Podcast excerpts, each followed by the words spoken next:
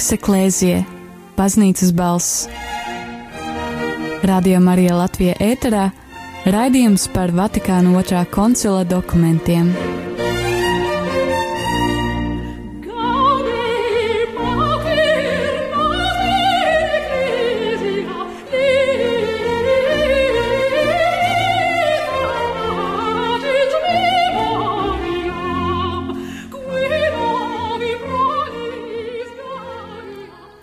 Slavēts Jēzus Kristus, Radio Marija Latvija klausītāji ir 5 un gandrīz 3 minūtes 27. februārī pirmdienā ar tevi radio ēterā esmu es, priestris Pēteris Skudra, un kā parasti šajā jaunajā gadā katru otro pirmdienu ir raidījums Vox Eklēzija, baznīcas balss, Raidījums, kurā tu vari uh, iepazīties tuvāk ar Vatikāna otrā koncila dokumentiem, um, par to, kas ir Vatikāna otrais koncils un kas ir uh, Vatikāna otrā koncila dokumenti, tad mēs arī mēģinam tev paskaidrot šajā raidījumā. Un ir arī vērts uh, nopirkt šo brie, biezo uh, zaļo grāmatu, kuru nesen arī laida klajā ar latviešu tulkojumu. Uh, šiem dokumentiem, kas būtībā ir visas mūsu katoliskās ticības tāda, nu, pamatus, pamats sintēze tāda,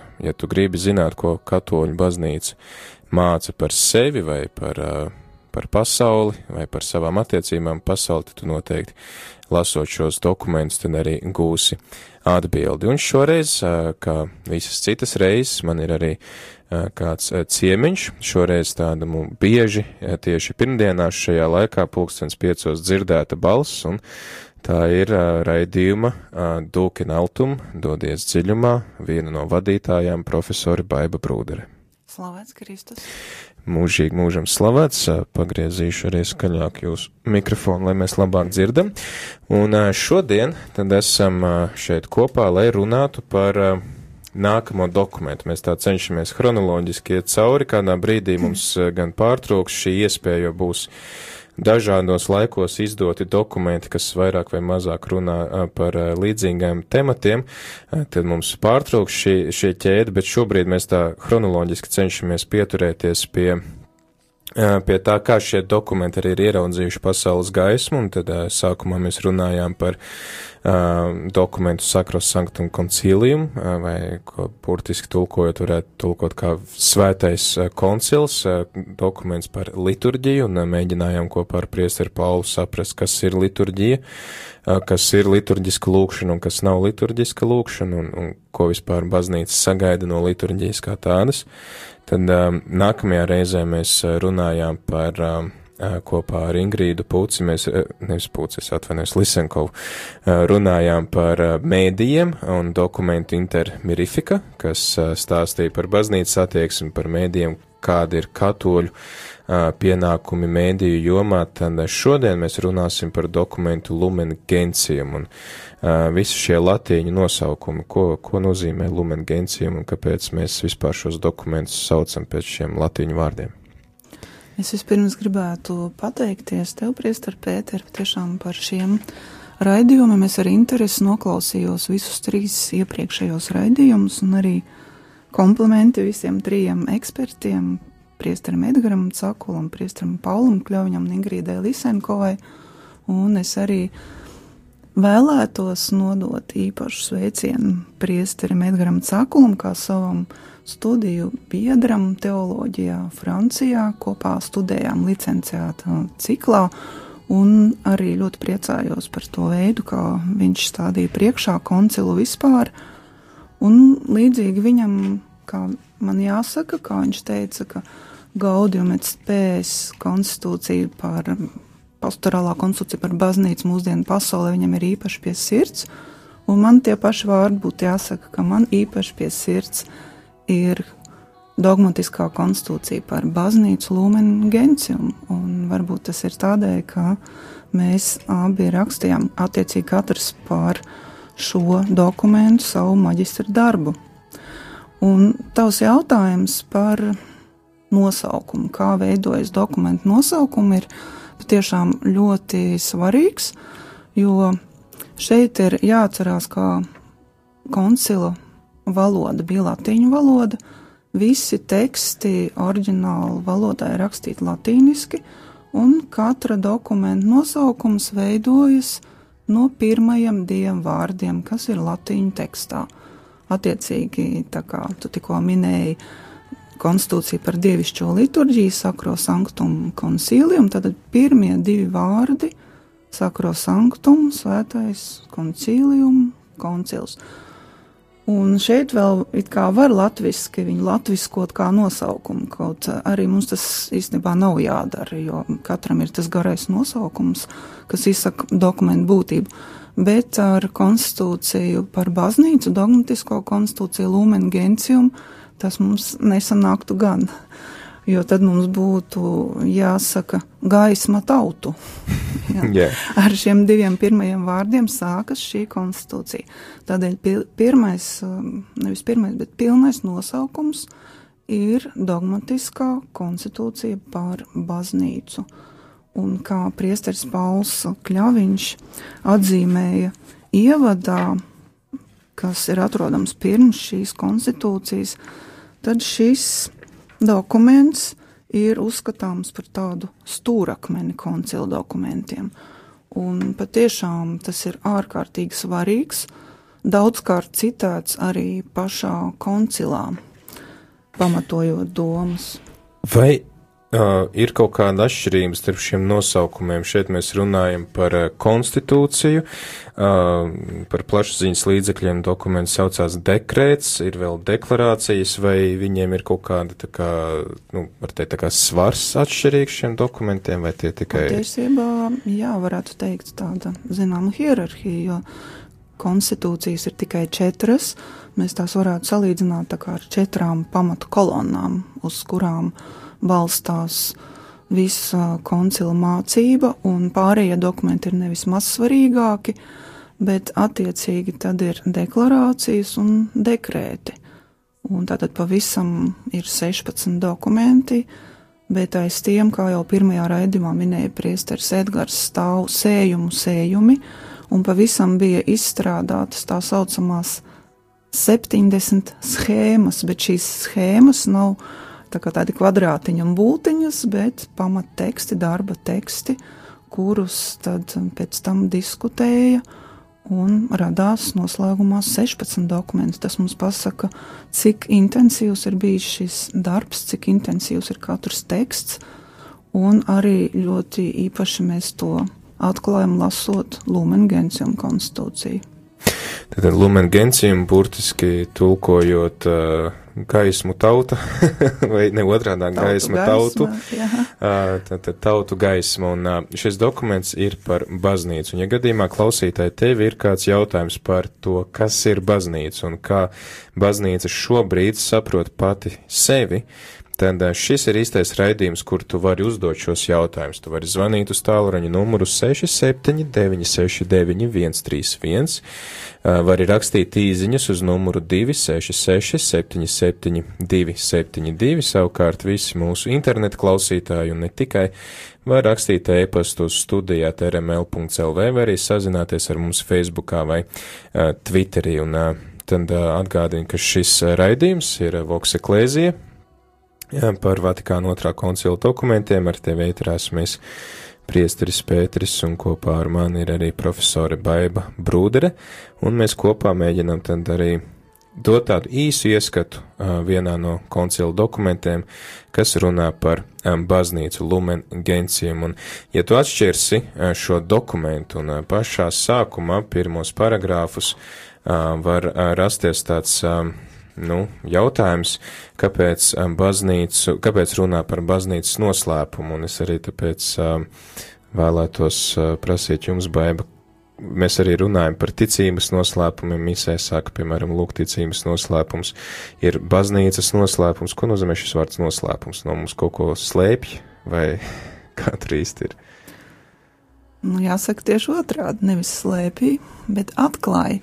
Un tomēr šis vārds noslēpums norāda uz to, ka zināšanas, ko mēs iegūstam, pievēršoties šim noslēpumam, pieder pie citas kārtas. Tās pilnīgi pārsniedz cilvēka prātu, tās mums ir atklājis Dievs.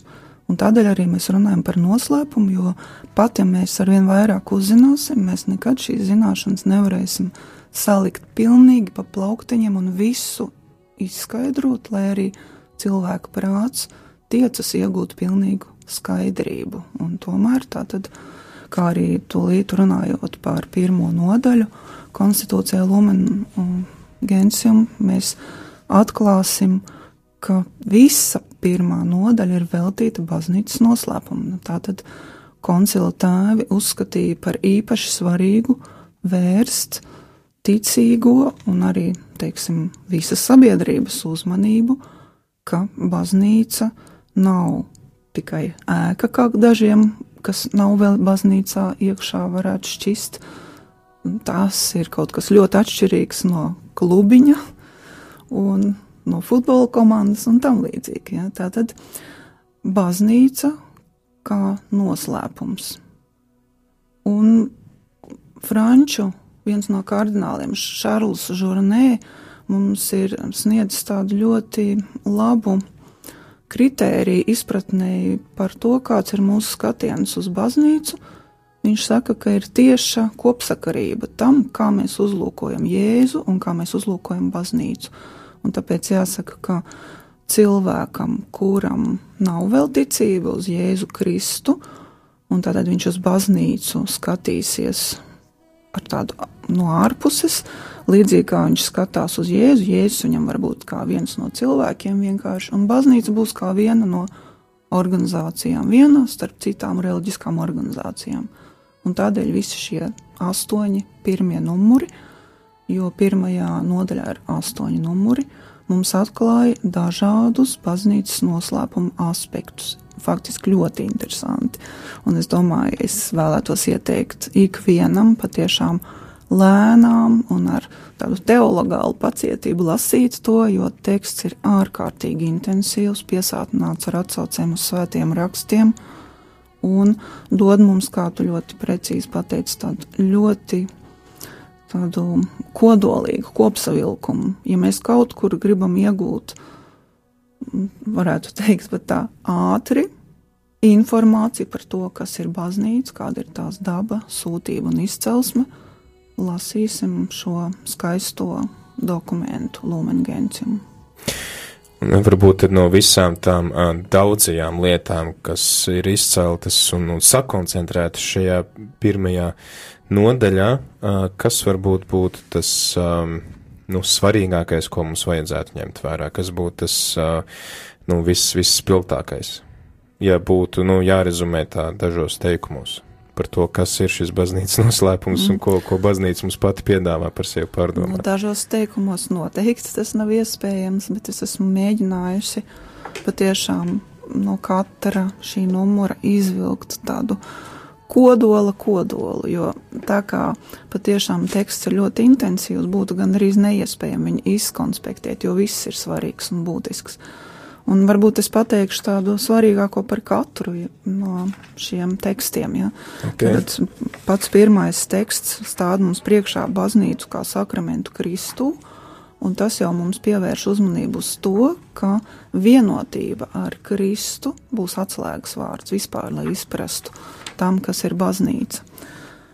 Un faktiski katrā nodaļā mēs atradīsim tādus atslēgas vārdus, kas ir nepieciešami mums baznīcas izpratnē. Šajā pirmajā numurā mums arī ir dota ļoti skaidra un tāda apgaismojoša definīcija par baznīcu. Un es lēnām viņu izlasīšu. Jā, tā tad koncils raksta, baznīca Kristū savā ziņā ir sakraments.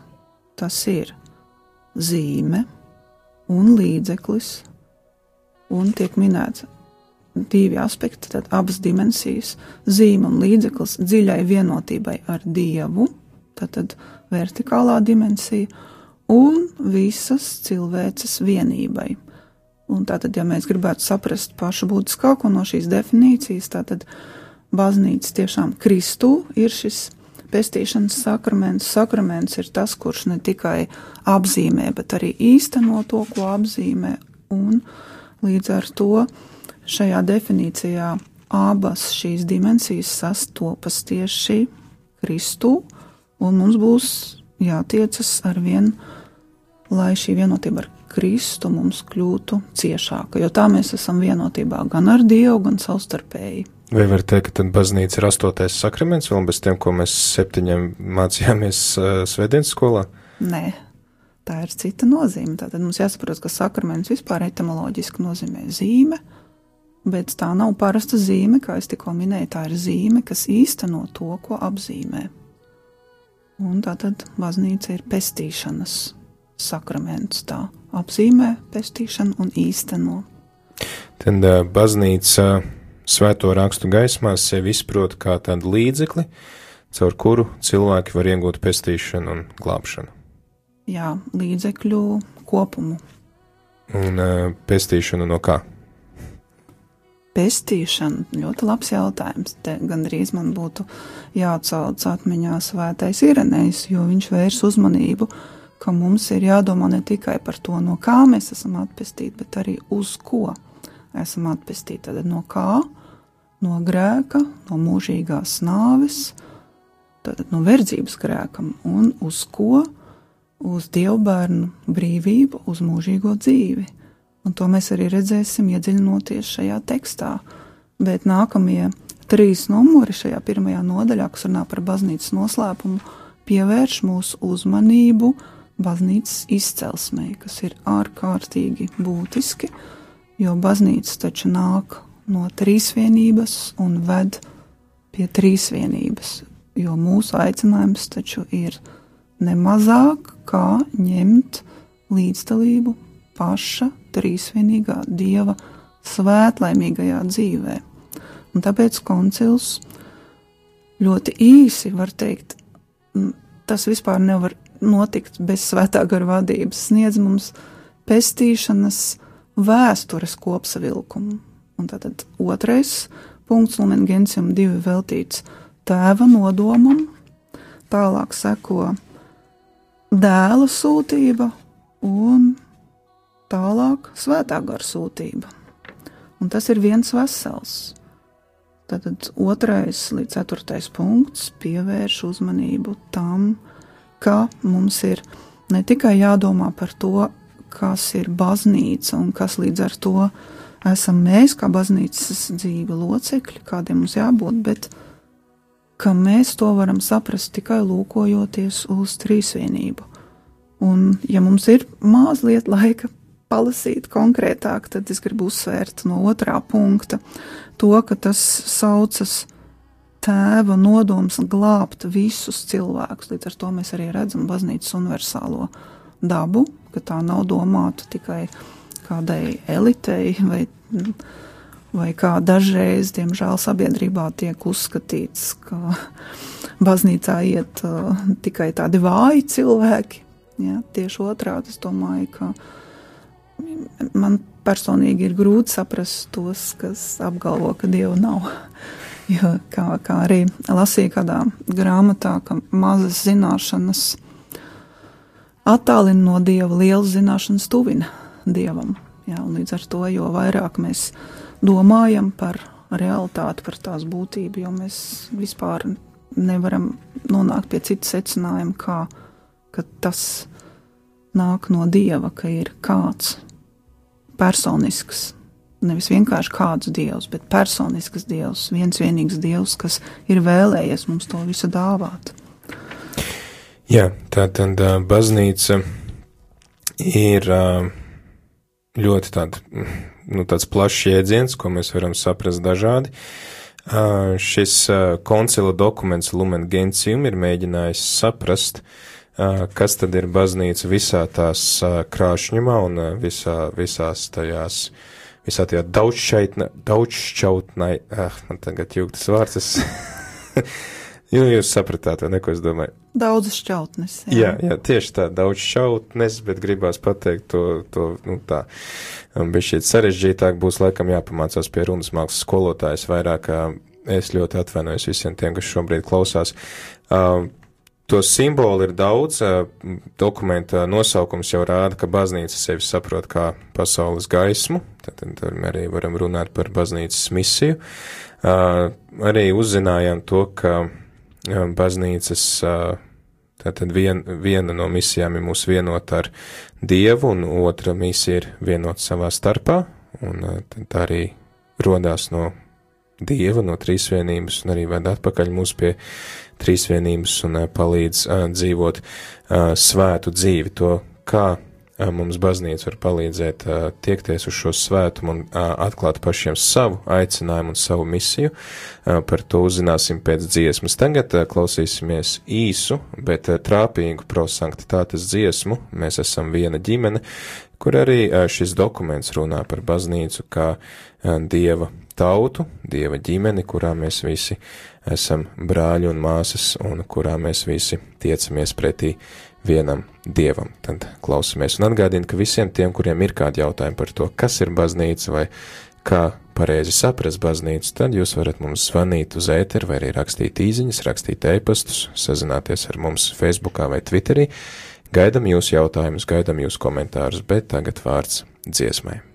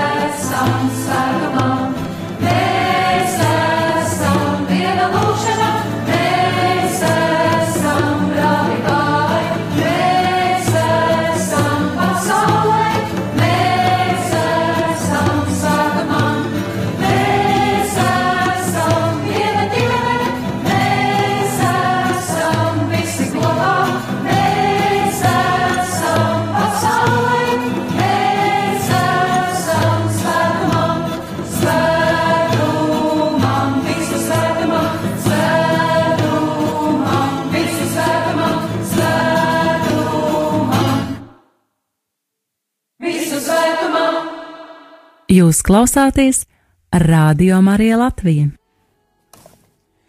Jā, tu klausies Radio Marija Latvija, ar tevi ēterā joprojām esmu es, priesteris eh, Pēteris Skudra, un ir 5 un 24 minūtes 27. februārī, un eh, kā jau ierasts eh, šajā raidījumā, pulkstens 5. katru otro nedēļu, mēģinam iedziļināties Vatikāna otrā koncila dokumentos, kas tie tādi ir un uz ko tie mūs mudina pārdomāt, un tad arī ar dažādiem uh, gudriem cilvēkiem mēģinam tad arī saprast, kas būtu tāds svarīgs un aktuāls priekš mums šajos dokumentos. Šodien runājam par to, kas ir baznīca. Uh, dogmatiskā konstitūcija, Lumen Gentium, uh, runā par to, kas ir baznīca, kā uh, saprast baznīcu, un kāda ir baznīcas misija, kāda ir mūsu katra misija baznīcā, un to mums palīdz šoreiz uh, saprast un uzzināt uh, profesora Baiba Brūdere, kuru tu dzirdi uh, pirmdienās kādā citā raidījumā, uh, Dulkin Altum dodies dziļumā, tad nu dosimies dziļumā šoreiz uh, baznīcas izpratnē, un ja tev ir kāds jautājums par baznīcu, zvani uz tālruņa numuru 67 969 131, vai arī raksti īziņas uz numuru 266 77 272, tāpat arī joprojām mums ir aktīvs e-pasts studijāt rml.lv, vai arī sazinies ar mums Facebookā vai Twitterī. Un uh, tad arī iepriekš uh, profesora Baiba minēja to, ka mēs uh, varam iedomāties, ka baznīca ir ēka, bet uh, baznīca tomēr nav tikai ēka, un kā izrādās, tie arī ir tie cilvēki, kas ir ēkā. Kas pulcējās šajā ēkā. Un kādreiz vispār tādu ēku nebija. Pirmo kristiešu laikos viņi pulcējās dzīvokļos, viņi Jā. pulcējās kapenēs. Jā. Kur vien var sapulcēties cilvēki, tur viņi pulcējās, un tā arī bija baznīca. Un man liekas, ir vēl viena tāda lieta, ar ko bieži vien iedomājas, un ka, ja baznīca, tad uh, tie pirmie un redzamākie baznīcas pārstāvji ir noteikti hierarhija nu, bīskapi un pāvests, un, un, un par viņiem pat filmas uzņem un priesteri katrā draudzē, bet uh, baznīca ir arī katrs, katrs kristītais. Katrs, kas ienāk baznīcā un kas saņem kristības sakramentu, kā to saprast, ka es esmu baznīca? Mm, tieši tā, kā tu tikko minēji, tu teici, katrs kristītais. Un tas jau norāda to, ka tas mums liek domāt par kristību, jo kristībā mēs kļūstam par baznīcas locekļiem, tādēļ, ka kristība, kā burtiski apustulis Pāvils mums saka, mūs iegremdē Kristu. Mēs tiekam aicināti izdzīvot savā dzīvē visus Kristus dzīves noslēpumus, kā arī pirmajā nodaļā par baznīcas noslēpumu, septītajā numurā pievēršoties baznīcai kā Kristus mistiskajai miesai, koncils uzsvēra ticīgie noslēpumainā, bet reālā veidā tiek iekļauti Kristu un izdzīvo viņa dzīves noslēpumus. Tā nav kāda metafora, un nevelti katru gadu mēs izdzīvojam tos pašus Kristus dzīves noslēpumus, nevis lai mums nepiemestos skleroze, bet lai mēs patiešām ar vien dziļāk vienotos ar Kristu un kļūtu viņam līdzīgāki. Un starp, citu šis teksts par Kristus mistisko miesu ir tik ārkārtīgi intensīvs, bet parāda, kā tiešām tas atkal nav tikai tāds teorētisks uzstādījums, jā, jā, jā, visiem mums jālīdzinās Kristum, bet ka tiešām mēs visi esam aicināti augt pretī galvai, kas ir, kas ir baznīcas galva, tātad augt pretī Kristum, kamēr katrā ir izveidojies Kristus. Tas atgādina tādu mazliet, varbūt arī nonivelētu frāzi, bieži vien uh, es esmu redzējis, ka uh, angliski runājoši cilvēki sev nesājuši ap roku tādu aprocītu, what would Jesus do, ja, ko Jēzus mm -hmm. darītu. Nu, un tad, uh, ko varbūt arī citi jau, nu, tā paņergājās, ka tā tāda naiva, naiva, naiva frāze, un ko tad Jēzus darīt, bet ko tad nozīmē šī Jēzus sadarināšana un, un dzīvošana uh, viņā? Un... Nu, tad jālasa tālāk pārējie teksti Lumengensium konstitūcijā. Jo bez šaubām, ka koncils vērš mūsu uzmanību uz to, ka to mums palīdz darīt viens gars, svētais gars, kas ir tas pats miesā un katrā no mums, Kristus mistiskajā miesā un katrā no mums, un par to koncils ir runājis atsevišķā numurā Lumen Gentium 4, kur pievērsās svētajam garam, ja, uzskaitot, ko svētais gars vēlas mums dot. Ja, viņš caur Kristu mums dod pieeju pie tēva, viņš mums dāvā dzīvību, kad grēka, esam sagrēkojuši, viņš mūs augšām cels Kristū, viņš mājo tātad baznīcā un ticīgo sirdīs kā templī, viņš lūdzas mūsos, un viņš apveltīja baznīcu ar dažādām hierarhiskām un harizmātiskām dāvanām, un tā tad arī nobriedina ticīgajos savus augļus, un ļoti svarīgi dzirdēt šo vārdu ticīgajos, jo ticība ir svarīga. Nekas nenotiek automātiski, arī sakramenti jau nav maģija, bet saskaņā ar savu ticību mēs saņemam žēlstību, kas mums tiek dota gan sakramentos, gan visos citos pestīšanas līdzekļos. Un interesanti vienkārši es paskatījos vēlreiz, kas tad ir tie svētā gara augļi, ko viņš mūsos nobriedina. Ja šis katalogs, kas ir atrodams vēstulē galotiešiem 5. nodaļā 22, tad tā ir mīlestība, prieks, miers, pacietība, laipnība, labprātība, uzticamība, lēnprātība, atturība. Nu, patiešām vesels katalogs, uz ko mums tiekties un vēlēties to iegūt, jo arī svētais gars uztur šo mūsu vēlēšanos, jo, kā mēs bieži esam atkārtojuši mūsu raidījumos, Dukina Altumu, vēlēšanās nosaka visu mūsu gribu. Un tā tad mums jābūt atvērtiem uz svēto garu, un vislabākais, ka tik līdz atveram acis, tā veltījam jau viņam savu, die, savu dienu.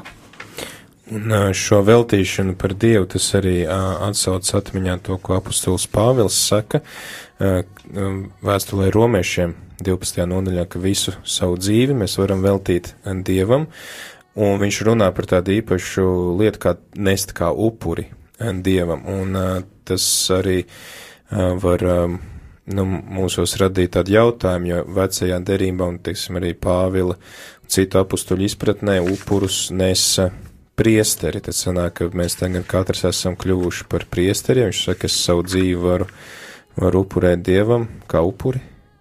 Brīnišķīgi, ka tu pieskāries šim jautājumam, jo koncils īpaši iekļāva Lumen Gentium desmito numuru, veltot to vispārējai priesterībai, jo tas, ko tu tikko minēji, tas attiecas uz vispārējo priesterību, un mēs nemaz tik bieži nedzirdam baznīcā runājam par vispārējo priesterību, tādēļ labi varbūt mums te īsti pateikt tā, ka vispārējā priesterība, kā vārds jau to parāda, attiecas pilnīgi uz visiem. Un tā nav laju priesterība, kā dažreiz mēdz kāds teikt, nav tādas laju, laju priesterība.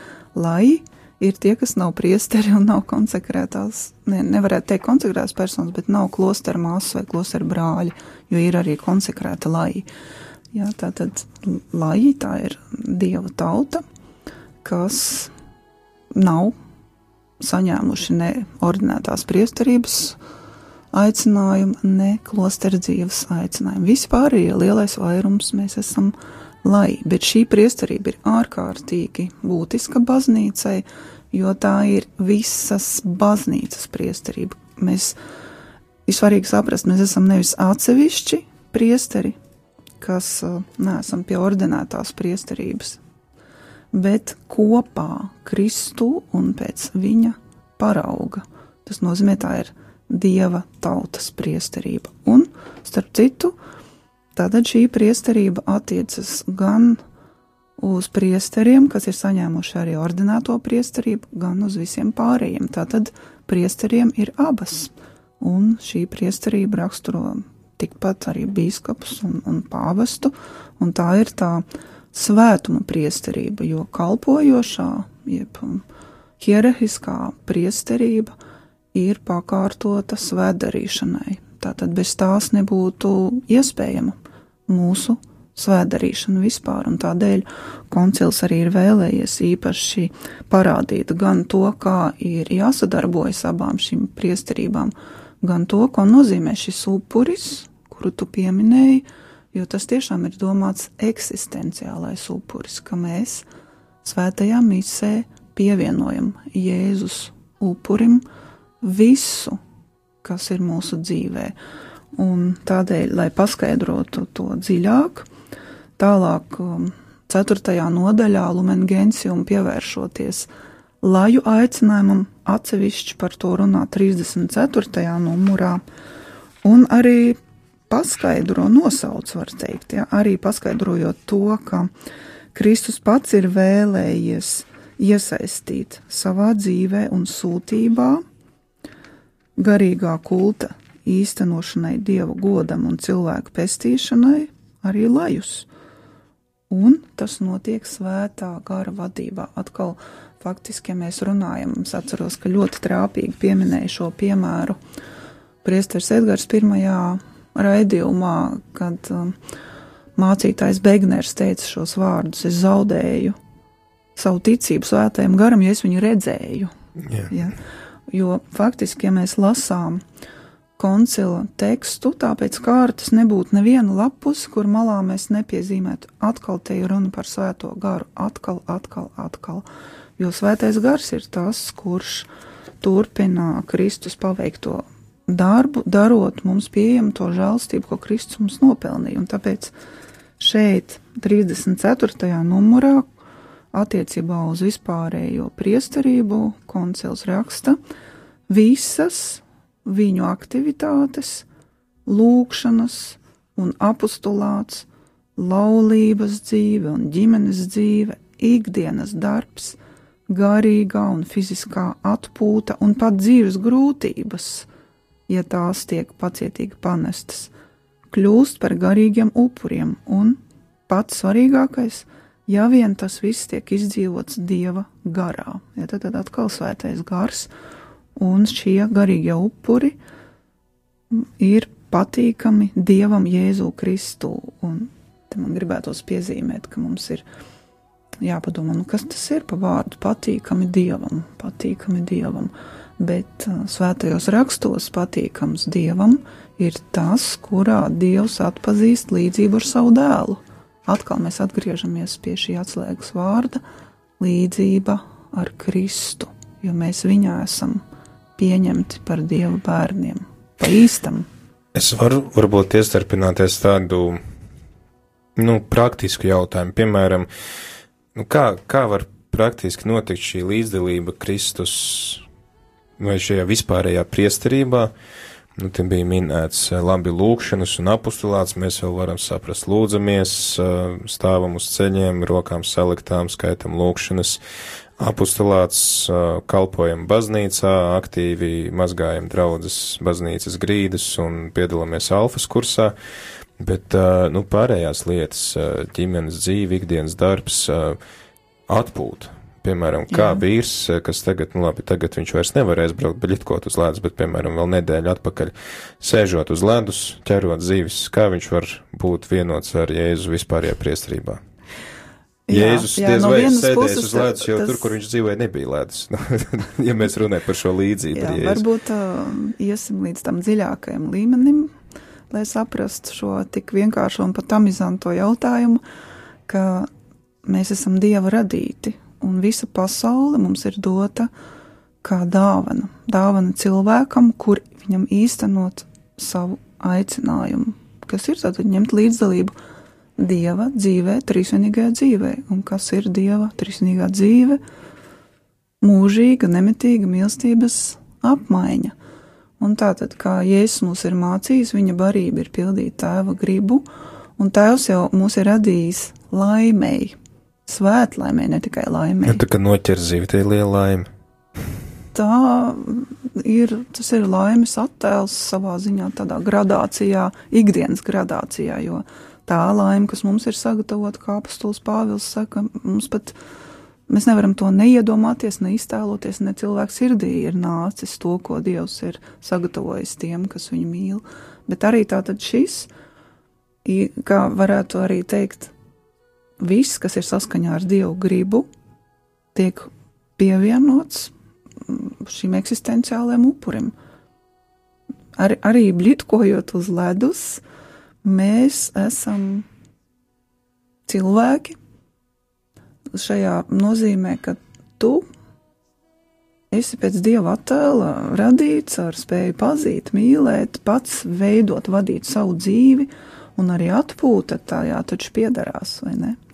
Jā, vienkārši, man liekas, mulsinoši varētu būt tas, ka mēs runājam par upuri, un tajā pašā laikā mēs runājam par to, ka šī priestriskā kalpošana un dzīves upurēšana var izpausties arī atpūtā, un atpūta mm -hmm. parasti saistīts ar kaut ko patīkamu, kas Jā. mums tā kā dod spēku, un upuri sakala tieši otrādi kaut ko mm -hmm. tādu, kas tā kā varbūt atņem mums šo spēku, un, un, nu, kaut ko, nu, kas liek ciest un, un, mm -hmm. un atpūta jau parasti to nesaistās. drīzāk ir terminoloģijas jautājums, jo mums latviešu valodā nav tik, tik detalizēta terminoloģija kā citās valodās, un daudzreiz tur, kur citās valodās ir cits vārds, mēs visu laiku lietojam to pašu - upuris, upurēt. Bet, ja mēs padomājam etimoloģiski, ko nozīmē upurēt, tas nozīmē atdot, dot sevi, ja, un tad um, šī nozīme nav vairs ar šo vienmēr ciešanu pieskaņu. Kaut gan tad mums jādomā, kāpēc mēs baidāmies no tā vārda ciešanas, jo mūsu pieredzē tas ir grūti ciest. Bet uh, mīlestība no ciešanām tas iet kopsolī. Ja, tad neatstumt ciešanas, spēt mīlēt, arī pieņemot ciešanas, ejot līdz galam savā mīlestībā. Bet tas mazliet vairāk varbūt jau pa tālu aizgāja, skaidrojot jā, to jautājumu. Bet, nu, tas uh, sevi dot. Gribējās vienkārši Vēl praktisku, praktisku, varbūt piemēru, lai arī klausītājiem ir saprotams tas, ko nozīmē uh, šī kalpošana Dievam, līdzināšanās Kristum un uh, vispārējās priestrības izdzīvošana. Tātad tas nozīmē, ka mēs savu vēl, dzīvi veltījam Dievam un visu, ko mēs daram, kas ir labs, skaists un, un, un kas, kā arī varbūt šī banālā frāze, bet ko būtu arī darījis Jēzus, tad tas nes godu Dievam un tas var būt kā upuris Dievam. Es esmu mūsu klausītājiem bieži dalījies ar piemēru, ka tā, ka es lūdzu kādai savai paziņai aizlūgt par mani kādā nodomā, viņa teica, labi, es nākamo darba stundu veltīšu nodomā par tevi, ka tad arī šis ikdienas darbs kļūst un nodoms. Tāds, jā. jā nodoms ļoti svarīgs. Ok, tik tālu tad par šo dieva tautu, kas arī ir baznīca. Mēs katrs esam daļa no baznīcas, ne tikai uh, konsekrētie, ne tikai garīdznieki, bet arī visa ticīgā tauta, ko sauc arī par lajiem. Un ļoti interesanti arī tas, ko jūs teicāt, ka šī hierarhiskā priesterība kalpo vispārējai priesterībai, jo bieži vien Jā. mēs iedomājamies, ka baznīcā tagad ir, nu, tie priesteri un bīskapi, un, un tad, tad zem viņiem tālāk viss pakārtojas, bet sanāk, no jūsu teiktā var secināt, ka ir tā kā otrādāk tomēr. Nav otrādāk, vienkārši visi kalpojumi baznīcā ir pakārtoti svētdarīšanai, jo svētums ir mērķis, ja?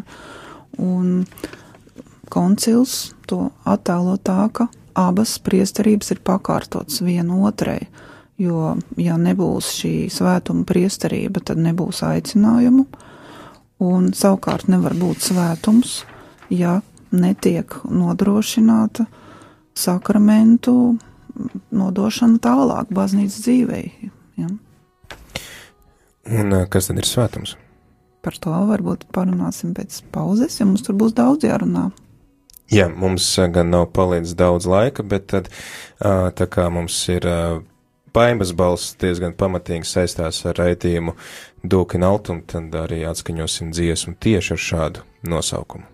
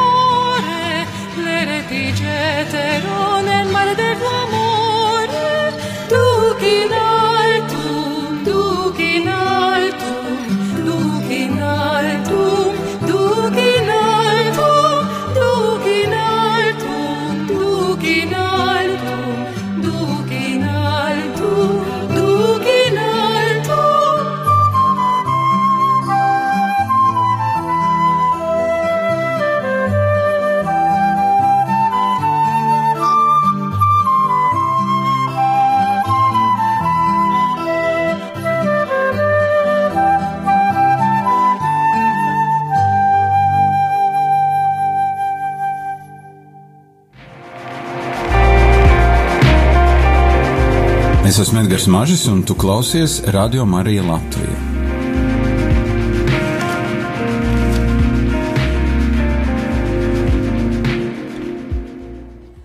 Pieci un 46 minūtes pirmdiena 27. februāris, un joprojām Radio Marija Latvija ēterā raidījums Voks Eklēzija baznīcas balss, un kas tad ir šī baznīcas balss šajā raidījumā baznīcas balss lasam Vatikāna otrā koncila dokumentus, kuri tad mums palīdz saprast, kas ir baznīca un kā, kāda ir baznīcas misija un kādas ir tās attiecības ar citām um, sabiedrības kultūrām un reliģijām un, un sabiedrību kā tādu. Un šodien tad runājam par baznīcu. Par baznīcu, kas ir baznīca, sapratām to, ka um, baznīca ir savā ziņā noslēpums, kuru Dievs mums atklāja tik, cik mūsu prāts ir spējīgs to uh, uztvert, uh, ka tās uh, avots ir Dievs, un tā mūs mudina uz attiecībām ar Dievu, kas man arī liekas ļoti būtiski attiecībām ar citiem cilvēkiem.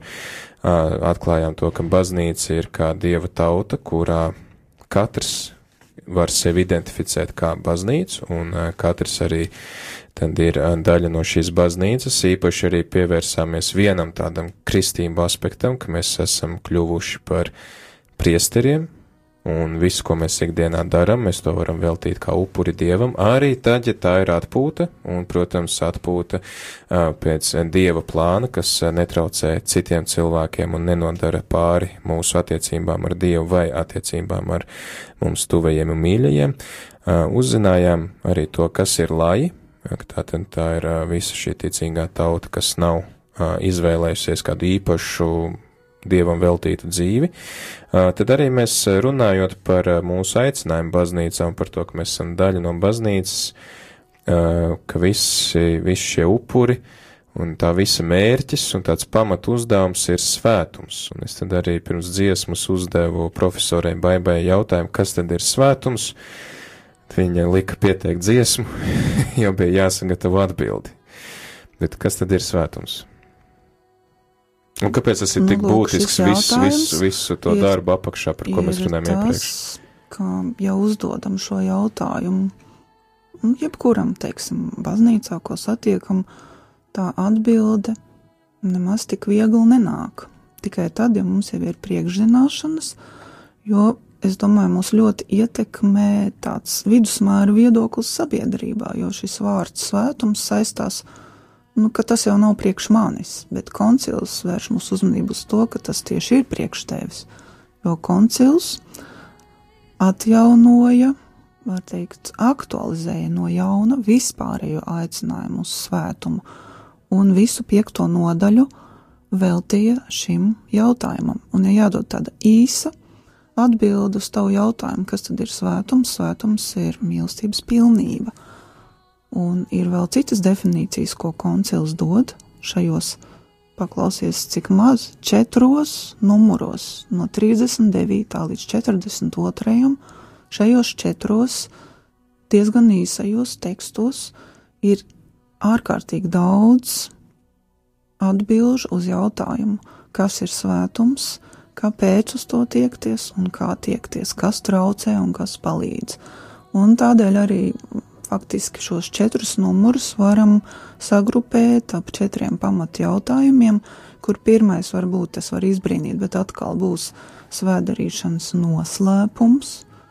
Tad, ja tā varētu teikt, jā, objektīvais un subjektīvais svētums, pie kam šeit subjektīvais ne tas, ka tā ir kaut kāda subjektīva realitāte vai lieta, bet ka tā ir dāvana un uzdevums. Mēs saņemam dāvanu, kādēļ arī bieži tuvojoties 1. novembrim un īpaši 1. novembrī visvēto dienā mēs dažreiz dzirdam no priesteriem, jūs jau esat svēti, un tā ir taisnība. Bet tas ir Kristības sakraments, ja? Kristības sakraments, ka pateicoties šai vienotībai ar Kristu, mēs esam savienoti ar viņu, un pateicoties tam mēs esam svēti, bet kā iedīglis, ja, dāvana – bet ko tu ar to darīsi? Vai tu viņu attīstīsi līdz pilnībai, kā 40. numurā ir um, teikts, ja, ka patiešām mēs Kristu svētajā garā kristībā esam kļuvuši par Dievu bērniem un dievišķās dabas līdzdalībniekiem, un tiešām esam darīti svēti, esam svēti, ja? bet šo saņemto svētumu ar Dievu palīdzību pienākas saglabāt, un pilnveidot savā dzīvē. Tātad dāvana atbilst uzdevums. Un pirmajā tekstā, kur runāts par svētumu 39. Jā, tā tad atkal ir viens ļoti svarīgs apgalvojums, kur ir teikts, vienīgi Dievs ir svēts, un tas mums ir jāatcerās. Mēs arī katru reizi svētdienā vai lielos svētkos, kad lūdzamies krēdo kopā, tad arī sakām, jā, ja, vienīgi tu esi svēts. Tātad solus sanctus, tas ir attiecināms tikai uz Dievu, un kas tad ir ar mums? Mēs ņemam līdzdalību Dieva svētumā, Kristū, un tas ir svētais gars, kurš mūs svēdara. To nekad mēs nedrīkstam aizmirst, Jo atbildot uz jautājumu, kas ir svētums, mums ir jāsaprot, kas nav svētums. Svētums nav cilvēciska pilnība. Un cilvēks pats sevi nevar svētdarīt. Tādēļ katrā no šiem tekstiem ir uzsvērts, ka tā ir Dieva žēlastība, kas mums tiek sniegta, un tie ir svētā gara augļi, kurus mūsos nobriedina svētais gars, kas šajā svēdarīšanas procesā notiek, ja tas ir process. Un mūsu dzīvē ir dažādi posmi, dedzīgāki, mazāk dedzīgi, bet tas nenozīmē, ka dedzība ir kritērijs svētumam.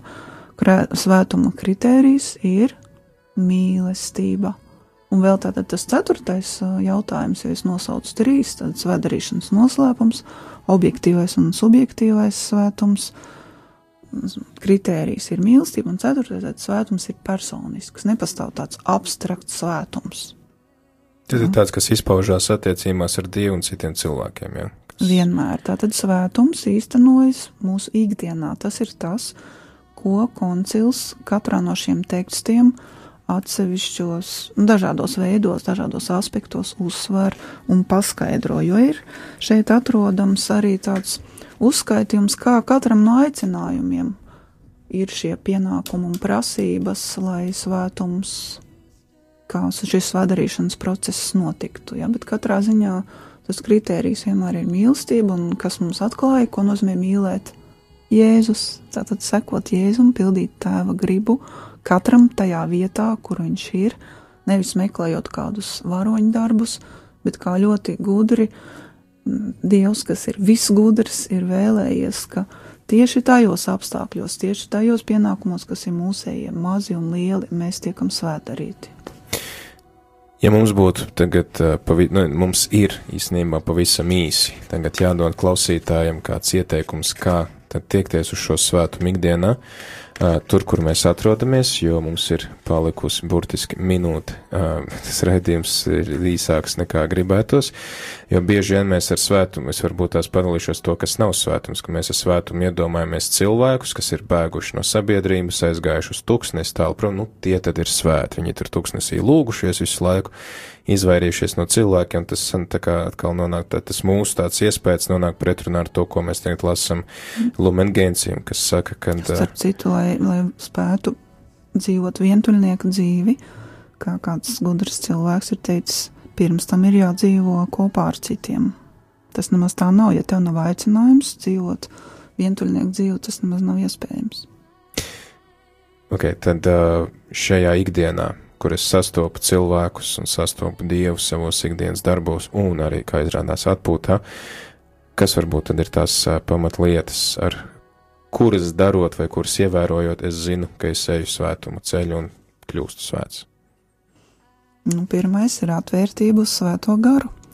Ko svētais gars mums dāvā? Viņš dāvā dievu žēlastību. Un žēlastībai ir prasības. Un tātad šajā ciešajā kontaktā ar Svēto garu katru dienu mēs mācāmies, izmantojot visus pestīšanas līdzekļus, atpazīt Dievu gribu. Bet tie jau nav kaut kādi citi atsevišķi līdzekļi, tie ir tie paši sakramenti, lūkšana, Dieva vārda lasīšana un meditācija, atveroties Dieva vārdam, kas ir visvarens vēl joprojām. Ja? Tie ir tuvāk mīlestības darbi, gāvēnis, kas tūlīt, tūlīt sāksies, gandarīšanas darbi Tātad visi šie paši līdzekļi, kas ir mūsu līdzi, rīcībā, arī, protams, garīgās literatūras lasīšana, lai pilnveidotos un saprastu, kas ir sekošana Kristum, kas ir atvērtība svētajam gāram, žēlastībai, kas tā tāda ir, jā, kas, kas ir Dieva griba, kā Jēzus viņu pildīja, un tā tālāk. Tas maz nav sarežģīti, bet tas prasa tiešām ikdienas sadarbība ar Dievu žēlstību, ikdienas piepūli, būt kristietim nevis tikai svētdienās vai pat reizi gadā, ja, bet saprast, ka tu esi aicināts būt dzīvs Kristus mistiskās miesas loceklis. Paldies! Es ceru, ka šo arī profesors Baimas padomus izdosies ņemt vērā ikdienā, būt atvērtiem svētiem garam. Um, Tas nenozīmē visu laiku lasīt svētā gara litāniju, kaut arī var arī to mēģināt, bet tā tad lūgt vienmēr Dievam padomu. Nodibināt draudzību ar viņu. Jā, un uh, ieklausīties, spēt ieklausīties viņa balsī un viņa pamudinājumos, ko viņš mums saka. Paldies, ka svētais gars jūs pamudināja šodien atnākt pie mums. Paldies par šo raidījumu. Jā, un uh, es ar jums šajā raidījumā, Voksa Klēzie klausītāji, tikšos pēc divām nedēļām, kad runāsim par uh, nākamajiem uh, dokumentiem no Vatikāna otrā koncila. Tagad tev ir iespēja gatavoties svētajai misē, kuras šoreiz tiks translēta no Rīgas svētā Franciska baznīcas.